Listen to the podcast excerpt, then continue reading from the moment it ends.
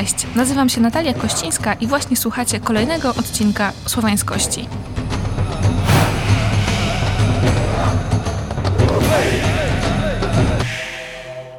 Dzisiaj, tak jak w zeszłym tygodniu, znowu będziemy męczyć Wiedźmina i zastanawiać się nad tym, na ile jest słowiański, a razem ze mną będzie o tym opowiadał dr Adam Flama z Digital Masters, Centrum Badawczo-Projektowego Gier i Animacji na Dolnośląskiej Szkole Wyższej, specjalista od Wiedźmina i wielki propagator wiedzy na jego temat.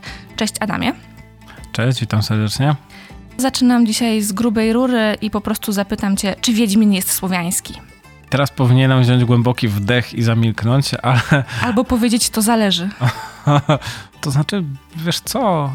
No właśnie, chyba to nie jest tak, że zależy. Ja myślę, że powinniśmy sobie przede wszystkim rozdzielić dwie kwestie. Pierwsza rzecz, samo słowo. Andrzej Sapkowski dokonał czegoś niesamowitego, czyli stworzył postać, której nadał nazwę, nie tylko jeśli chodzi o imię, ale przede wszystkim nazwę profesji, którą ta postać wykonuje.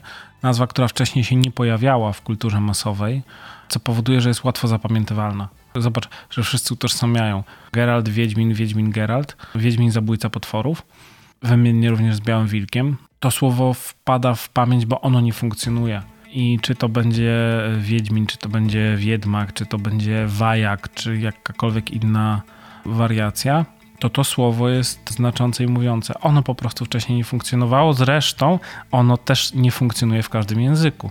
W tych krajach romańskich mamy po prostu bardziej takiego czarownika, aniżeli stricte Wiedźmina.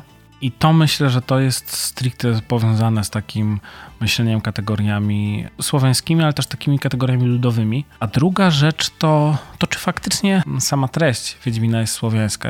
Mi się zawsze wydaje, że Andrzej Sapkowski, na tyle na ile w ogóle może mi się wydawać jako czytelnikowi, który gdzieś tam próbuje to rozszyfrowywać, to wydaje mi się, że to jest taka bardzo skutecznie zrobiona mozaika kulturowa. To znaczy, no pierwsze opowiadanie nawiązywało do opowieści o Strzydze Romana Zmorskiego, z drugiej strony mamy bardzo wyraźną inspirację podaniami arturiańskimi, które Andrzej Sapkowski zawsze gloryfikuje, ale też jest to pisarz, który jest zafascynowany prozą Henryka Sienkiewicza, prozą pod względem językowym, gdzie właśnie ta stylizacja językowa Sapkowskiego jest ważna, bo ona wskazuje na takie elementy lokalne, Zwłaszcza te przecudowne sceny, jak Geralt przyjeżdża do jakiejś wioski i rozmawia z sołtysami, z chłopami. To tam tych elementów takich kulturowych, właśnie takich stricte słowiańskich, bo to też chodzi o naleciałości językowe, jakieś elementy folklorystyczne, tam tego jest dużo. Oprócz tego mamy, wiesz, wykorzystywanie motywów z baśni, tak zwaną euhemeryzację baśni, gdzie po prostu one są opowiedziane na nowo. Chociażby w opowiadaniu, w którym mamy księżniczkę i siedmiu gnomów, tak? Jest to po prostu nawiązanie do Królewnej Śnieżki i Siedmiu Krasnoludków. Sapkowski to wszystko przedstawia w taki bardzo ciekawy sposób, że to jednak wcale nie jest takie nierealne, że rzeczywiście te bajki baśnie się mogły wydarzyć, ale one są z różnych kręgów kulturowych. To wszystko jednak jest poddane w moim mniemaniu taką jednak, wiesz co, chyba duchowością naszą, to znaczy naszą w sensie słowiańską, i taką nawet bym powiedział, wiesz co, taką czasami przekornością postaci, to w dialogach ślicznie, ślicznie widać, i takim słowiańskim duchem. Tak jak rozmawialiśmy jakiś czas temu o serialu, to wydaje mi się, że tutaj mogę powiedzieć dokładnie to samo. To jest taki słowiański duch, wiesz, taki specyficzny sposób patrzenia na, na rzeczywistość, ale też chyba taki, jednak taki sznyt kulturowy gdzieś tam się pojawia. To znaczy, ja mam po prostu wrażenie, że Andrzej Sapkowski jest doskonałym obserwatorem. Jest świetnym obserwatorem tego, jak funkcjonuje człowiek i on to po prostu pokazuje, a pokazuje to, jak funkcjonujemy my. Bo on to już napisał w Polsce. Oczywiście podróżował za granicą, ale obrazuje właśnie tą słowiańską duszę najlepiej, dlatego Sapkowski jest pisarzem kultowym w Rosji na przykład, w Czechach, na Słowacji. Tam jest niezwykle popularny, bo to jest właśnie o nas. To jest właśnie takie, jak my to czujemy. Zresztą też mam takie wrażenie, że tych elementów, wiesz co, które byśmy powiedzieli, o to jest słowiańskie, to tam można by sporo znaleźć. Oczywiście, nie wiem, chociażby trochę z bestiariusza, ale sposób pokazywania rzeczywistości, właśnie takiej ludzkiej natury, to jak najbardziej, to jesteśmy my, czystej postaci. To jeżeli chodzi o teksty i o to, co stworzył sam Sapkowski, ale ja cały czas mam w głowie to, że Wiedźmin to już dawno nie tylko literatura to możemy powiedzieć chyba, że to taki nasz super system rozrywkowy, tak? No bo mamy teksty Wiedźmina, pojawił się serial Netflixa, wcześniej film i serial Marka Brockiego, no i chyba najbardziej kultowa gra. I każdy z tych elementów z tego systemu jest troszeczkę inny od pozostałych. I ja takie odnoszę wrażenie, że najbardziej o słowiańskości mówi się w kontekście gier. Nim odpowiem na Twoje pytanie, to podszedłbym chyba do tego od totalnie odwrotnej strony. Od tego, gdzie tej słowiańskości jest najmniej, a tych elementów najmniej jest w ostatnich komiksach, czyli w komiksach Dark Horse'a. Nawet w tych komiksach, które byli, były robione przez Polaków, chociażby w tym ostatnim, który Aleksandra Motyka i Mariana Strychowska robiły, to tam tego jest mało, bo tam akurat Geralt jest z jaskrem przeniesiony do orientalnego Firu. Natomiast jak popatrzymy sobie na komiks Bogusława Polcha i Macieja Parowskiego, które były współtworzone z Andrzejem Sapkowskim, to tam tych takich elementów lokalnego folkloru jest. Ale to raczej jest kwestia klimatu, takiego wiesz co, ciemnego, dusznego, ale z drugiej strony takiego bardzo przaśnego, bardzo często zauważ, że tą przaśność się traktuje jako taki element słowiański. Coś faktycznie może w tym jest. Gry z kolei mają to do siebie, że gra musi swojego odbiorcę przekonać na wielu różnych płaszczyznach. Ona go musi przekonać e, wizualnie, ona go musi przekonać przede wszystkim gameplayem, czyli tym, czy po prostu jest grywalna i czy rozgrywka jest satysfakcjonująca, ale również jakąś opowiedzianą historią. No, pamiętajmy, że tu zawsze chodzi o opowieść. Chodzi o to, czy my odnajdziemy w tych współczesnych mitach, a czasem mam wrażenie, że gry są takie współczesne mity, a czy my po prostu tam odnajdziemy coś, co będzie dla nas ciekawe. I teraz tak, jak sobie weźmiemy pierwszego Wiedźmina growego z 2007 roku, to tam elementów słowiańskich, jeśli chodzi o taką ornamentykę, wiesz, czyli muzyka słowiańska, nie wiem, dekoracje domów i tak dalej, tam jest tego mało. No ale tak, mamy bagnistą wioskę, mamy kult wodnych ludzi, co jest takie trochę na nawiązanie do Lovecrafta. Mamy chaty, jakiś las, bestie, podgrodzie, no i później miasto. W sumie niewiele, ale tak naprawdę klimat właśnie tej wioski, wiejskiej społeczności prymatu takiej, prymatu religijnego, to może trochę nam wskazywać na takie nasze lokalne rzeczy, na takie, które znamy. Z kolei w drugiej części sytuacja była zupełnie inna, bo ona już była bardziej adresowana do zachodniego odbiorcy. Tam to jest bardziej, wiesz, taka gra akcji, bardzo dużo elementów politycznych tam jest. I to też trochę wiąże się z tym, że to już była pierwsza wersja na konsolę, więc Microsoft pewnie w fabułę nie ingerował, ale też założenie było takie, żeby to po prostu była taka historia, która dla twórców i dla odbiorców przede wszystkim będzie nowym otwarciem. No i potem dochodzimy nagle do trzeciej części gry, która, no, która jest prawdziwym fenomenem, bo mamy grę, która no, miała być epicka pod każdym względem, miała zachwycić świat i miała dać przeogromny świat do eksploracji. No i teraz tak, jeżeli mamy ogromny świat, to czymś ten świat trzeba zapełnić. I tutaj wchodzimy właśnie w ten element słowiański, bo już pierwsza lokacja, czyli Biały Sad, przypomina się na Kujawach i w tym momencie już się pojawiają na przykład ozdoby domów, takie właśnie jak w jednych z wielu miejscowości pojawią się kwietne ozdoby na okiennicach, na ścianach, te domy są bielone, więc, więc wizualność tutaj się pojawia. Im dalej w las, tym pojawiają się dodatkowe elementy, przede wszystkim słowiański bestiariusz, słowiańskie obrzędy. Mamy tam dziady, bardzo często w growym Wiedźminie mówi się o gusłach i też mamy takie, wiesz, nawet wierzenia ludowe bardzo, bardzo mocne. Mamy właśnie szeptuchy, mamy jakieś panie lasu, mamy leszego. Tych elementów jest bardzo dużo, ale to są takie elementy, wiesz, które nie są tylko ozdobnikiem. To są takie elementy, z którymi gracz się styka praktycznie na każdym kroku. No i do tego mamy oczywiście ten element, który też towarzyszy graczom non-stop, przez co staje się czymś więcej niż ozdobnikiem, czyli mamy muzykę zespołu Percival, która jest o tyle ciekawa, że to jest oczywiście to są znani propagatorzy kultury słowiańskiej i tej słowiańskości, czy to w formie Percivala, czy Percivala Schuttenbach, też przecież bardzo wiedźmińskiego, nie oszukujmy się. Natomiast ta ich muzyka towarzyszy przez cały czas, czy to w momencie walki, czy w momencie eksploracji, i powiem ci, że rzeczywiście ta gra jest słowiańska. Tam jest bardzo dużo takich elementów, ale wiesz co tam jest jeszcze słowiańskie? Tak sobie teraz myślę. Tam jest słowiański przede wszystkim. W ogóle tytuł. No właśnie. Dziki gon. Dziki gon. I teraz dziki gon, czyli coś, co na przykład w kulturze nordyckiej jest określane mianem dziki łów, tak? Czyli też faktycznie jakaś grupa upiorów, ale w kontekście gonu, no i to przecież też nawiązuje do kultury słowiańskiej. I też wydaje mi się, że cała koncepcja gry, wiesz, takie pokazanie tego, jak ludzie sobie radzą w bardzo trudnych realiach, w realiach wojny domowej, w realiach w ogóle wojny, bo w Dzikim Gonie jest bardzo dużo wojny. To jest pokazanie takiego trudu, to jest pokazanie tego, co no, my znamy. My znamy właśnie, my i ta wschodnia część Europy, zna bardzo dobrze, no niestety, ale z realiów po II wojnie światowej. Zresztą w ogóle trzecia część Wiedźmina bardzo, bardzo poważnie podchodzi do tych, tych elementów. Mamy też, y, wydaje mi się, coś, co jest niezwykle ważne, czyli koncentracja fabuły na wątku rodzinnym. I nie mówię tylko o historii Geralta, Yennefer i Ciri, ale też o zadaniach pobocznych. Tam jest tego bardzo dużo, a to właśnie w kulturze słowiańskiej jednak rodzina jest tą ważną jednostką i te więzi, zauważ, one się wciąż jakoś utrzymują, podczas gdy w zachodniej Europie dochodzi do takiej laicyzacji trochę tego więc tutaj jest to mocno podkreślone. No i jednak warstwa językowa, wiesz. Ja pamiętam taką cudowną anegdotę, którą scenarzysta Marcin Blacha opowiadał, jak znalazł gdzieś na jakiejś sprzedaży kalendarz. I w tym kalendarzu pojawiały się różnego rodzaju słowa, sformułowania i na jednej z kart był wypisane określenia ptasich treli. I to było w języku polskim. W innych językach niekoniecznie jest aż tak duże rozróżnienie.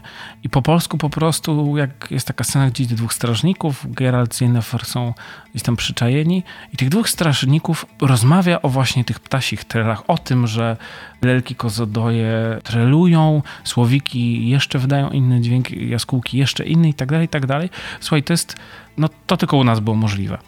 A kwintesencja tego wszystkiego, chyba mówię już bardzo długo, kwintesencja tego jest bardzo prosta.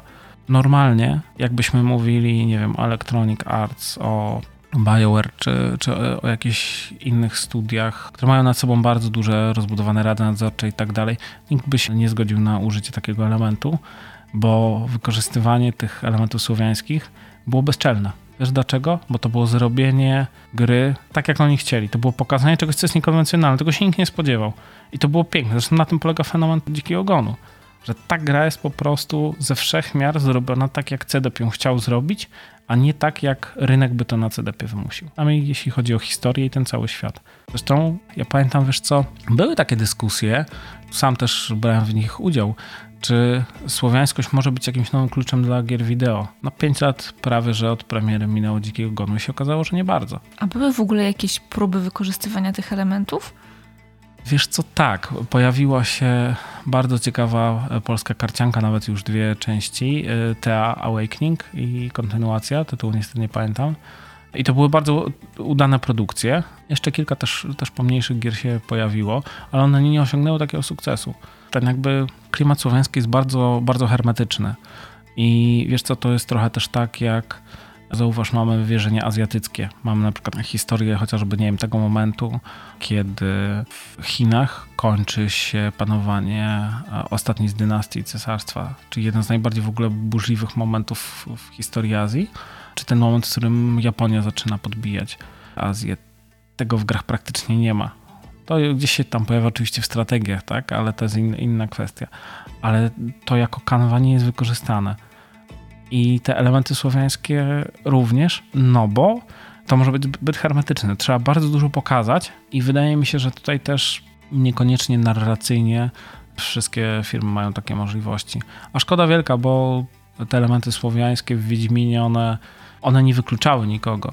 One właśnie wręcz przeciwnie, one po prostu pozwalały zobaczyć jakiś świat, który wygląda na początku dość egzotycznie, a potem jak jednak przyjrzysz się bliżej, wejdziesz w ten świat, to się okazuje, że motywacje są, są typowo ludzkie. Co więcej, dramaty są typowo ludzkie. Ale to, że ta cała osnowa e, może być, no powiedzmy, mniej lub bardziej nietuzinkowa, no to to już jest inna rzecz. Możemy powiedzieć, że tutaj sukcesem było to, że słowiańskość nie była głównym tematem, tak? Że ona była raczej formą podawania historii niż samą historią. Tak, ale mam też takie wrażenie, że to jest w ogóle chyba kwestia tego, jak sama gra jest stworzona, bo no niby ty kontrolujesz tego Geralta, ale to jest bohater już narzucony z góry, więc no masz wpływ na jego wybory, ale no wciąż grasz Geraltem, a nie jakiś, jakimś randomowym Wiedźminem. A druga rzecz to jest to, że grając Geraltem, ty obserwujesz świat. Możesz w niego wejść mniej lub bardziej, to znaczy możesz się, możesz, wiesz, możesz zaingerować w jakieś elementy lub nie, ale ty swoimi poczynaniami nie masz bezpośrednio, nie wiem, wpływu na całokształt tego świata.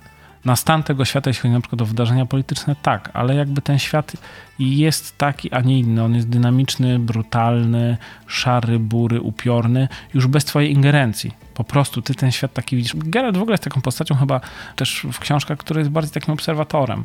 I my widzimy ten świat przez właśnie film Geralta i w grach jest podobnie. W grach jest podobnie i te elementy słowiańskie tutaj są nowo eksponowane wyeksponowane, bo tak jak powiedziałem wcześniej, na każdym etapie naszej przygody się na nie natykamy. Poza tym wierzenia, bestiariusz, próba zrozumienia tego, co się dzieje dookoła, to są elementy, wiesz co, bardzo egzotyczne. Znaczy one są egzotyczne z, z punktu widzenia amerykańskiego gracza, ale one pokazują bardzo ciekawy świat, taki wiesz, coś więcej. To chyba tak naprawdę myślę, że może jacyś amerykaniści powinni się nad tym też pochylić, że siłą tych elementów słowiańskich jest też taka wiara w jakąś duchowość, wiesz, w działanie różnych sił, upiorów i tak dalej. Zauważ, że często się od tego odchodzi teraz. To jest tak jednak ta wiara w taki prymat nauki, czy, czy prymat science fiction, nawet jakbyśmy już kulturowo mieli powiedzieć, to czy tak popkulturowo. A tutaj jednak słowiańskość daje nam wiarę, że wokół nas są jakieś upiory, stwory, zmory i, i nie wiem, baby wodne i jakieś tam rusałki i tak dalej. I że to są istoty, które egzystują razem z nami. A nie, że wiesz, my jesteśmy odseparowani od nich. Wydaje mi się, że to jest taka, kurczę, w sumie niebezpieczna wizja świata, bo to wydaje mi się, że z uwagi chociażby na poprawność polityczną, jak się wydaje grę w Stanach Zjednoczonych czy w, na przykład w Kanadzie, to to mogą być rzeczy, które mogą być bardzo niewygodne. Dla przykładu? Wiesz co? Wydaje mi się, że niewygodne dlatego, że to jest trochę pokazanie, że jednak te istoty mogą faktycznie funkcjonować, a to nie jest tylko taki wyimaginowany świat. Bo zauważ, że jednak w grach, nawet fantazy zagranicznych, które są wzorowane na tym takim modelu z D&D, czyli z papierowych RPGów, jednak to jest mocne rozgraniczenie, że to jest gra, nawet jak ty się wcielasz i tak dalej, ale że te realia growe są takie bardzo, bardzo intensywne i tam kategoria duchowości jako taka nie funkcjonuje, a tu jednak ona się pojawia. Tu się pojawiają bardzo istotne elementy religijne, jakichś wierzeń, wyobrażeń, właśnie wiesz, matka natura, siła w ogóle, właśnie natura jako siła, nie? I wydaje mi się, że trochę się teraz w ogóle od tego od tego odchodzi, od dystrybuowania czegoś takiego za granicą, zwłaszcza w Stanach Zjednoczonych. I w grach tego jest naprawdę mało i pod tym względem Kigon jest unikatowy. A jakbyśmy sobie w ogóle popatrzyli, wiesz, na, na publikowanie czegoś takiego, to wydaje mi się, że właśnie dlatego, że, przepraszam, że powiem to kolokwialnie, ale taka gra mogłaby robić po prostu wodę z mózgu. I mogłyby paść takie zarzuty, na przykład w dziale handlowym, który by powiedział, no nie, to usuwamy, bo to jest po prostu no, niebezpieczne, tak? A Polacy mogli sobie na to pozwolić, po prostu. Czyli takie bardzo mocne zawieszenie niewiary przez tego odbiorcę, który jest w stanie w to wejść całym sobą właściwie w taką historię. Z jednej strony tak, a z drugiej po prostu jakby gry są takim medium, które na początku miały bardzo dużą wolność, jeśli chodzi o pokazywanie historii i zostawianie gracza z jakimiś dylematami, ale dylematami nie tylko odnośnie tego, a co by było, jak ja bym się zachował inaczej, ale też dylematami w ogóle na temat, na temat świata, na temat jakichś różnych problemów. A później mam wrażenie, że to się zaczęło zmieniać. I próbowano jednak krystalizować taką wizję, żeby jak najbardziej temu graczowi zostawić jak najmniej pola do interpretacji. No a potem przyszli Polacy, zrobili Wiedźmina, zrobili This War of Mine o losach cywilów w trakcie wojny w Sarajewie. I jednak się okazało, że zostawili właśnie graczy z dylematami, ale nie tylko z dylematami odnośnie ich wyborów w grach, ale z dylematami szerszymi. Wydaje mi się, że w ogóle skłanianie odbiorcy dzisiaj do myślenia, zwłaszcza odbiorcy rozrywki, no nie oszukujmy się, masowej, no niekoniecznie jest przez wszystkich dyrektorów handlowych odpowiednio widziane po prostu. Jasne, chyba teraz lepiej rozumiem ten wątek, ale chciałabym jeszcze wrócić, się już kończąc dzisiejszy odcinek, wrócić jeszcze do tej słowiańskości, bo wspominałeś o bestiariuszu. Ja akurat graczem jestem absolutnie żadnym. Kiedy próbowałam grać w Wiedźmina dwójkę, to pokonał mnie Kejran i straciłam wtedy jakąkolwiek wolę walki, a tych postaci nawiązujących do słowiańszczyzny jest tam dużo. No wiadomo, że szczególnie w trzeciej części, ale w innych też. Mógłbyś powiedzieć kilka słów o wybranych z nich? Z takich nawiązań do, do takich elementów słowiańskich, to ja powiem może nie o konkretnej postaci, a raczej o grupie postaci. W pierwszej części osoby starsze. W ogóle podejście do osób starszych, których jest bardzo dużo w tej grze. Tam jest bardzo dużo dziadków, bardzo dużo babć i z reguły to jest margines społeczny. To są biedne osoby, które mówią o pogodzie, o tym, że śmierć czeka już za rogiem, że że za chwilę ich już nie będzie i są bardzo opryskliwe wobec Geralta. Ale to są jedyne postaci, które od razu go rozpoznają i tam się pojawiają, wiesz, takie teksty w stylu niesiesz ze sobą zgubę białowłosy albo źle ci z oczu patrzy, tego typu rzeczy. Czyli to są takie typowe wiedźmy, kobiety, które wiedzą. Wiesz co, trochę tak i to jest potem bardzo fajnie pokazane, kiedy rzeczywiście pojawia się taka postać, która pełni taką funkcję, pełni funkcję kapłanki tego kultu wodnych ludzi i ona rzeczywiście ma jakieś takie zdolności, nawet profetyczne bym powiedział, ale też najstarsza kobieta we wsi, ona jest kapłanką i tak dalej.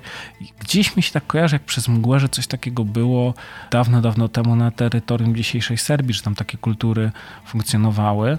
I powiem szczerze, że właśnie te osoby starsze, odniosłem wrażenie, że to jest takie bardzo nasze, że w ogóle ten problem starości w grach bardzo często pomijany, o regularnie pomijany, bo to jest temat tabu, to Wiedźmino się jednak pojawia. A w drugiej części, wiesz co, odniosłem takie wrażenie, może, może mylne, że bardzo taką postacią o słowiańskim charakterze był jeden z elfów, który wiedział trochę więcej, inaczej postrzegał rzeczywistość, dostrzegał niektóre rzeczy, niektóre procesy i próbował się znieczulić alkoholem, żeby to w sobie stłumić.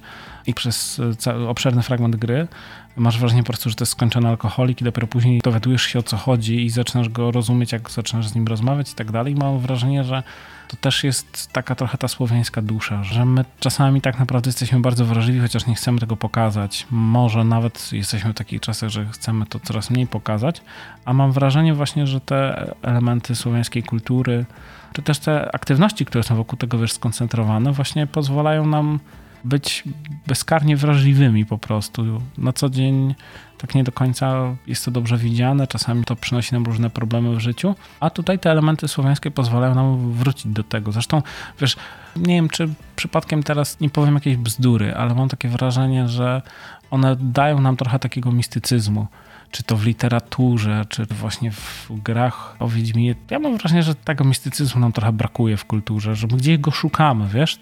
No ale to mówię, to jest jakaś może po prostu moja nadinterpretacja. No, ja myślę, że w tym może być dużo sensu, ponieważ są to motywy, które odwołują się jednak do tej duchowości, do nawet religijności, a nie do tego, co wiemy ze świata nauki, prawda? I myślę, że to jest fajna refleksja na zakończenie i dzisiaj już ten temat w takim razie tutaj przerwiemy. Dzięki za uwagę, dzięki za rozmowę. Dziękuję serdecznie. I do usłyszenia za tydzień.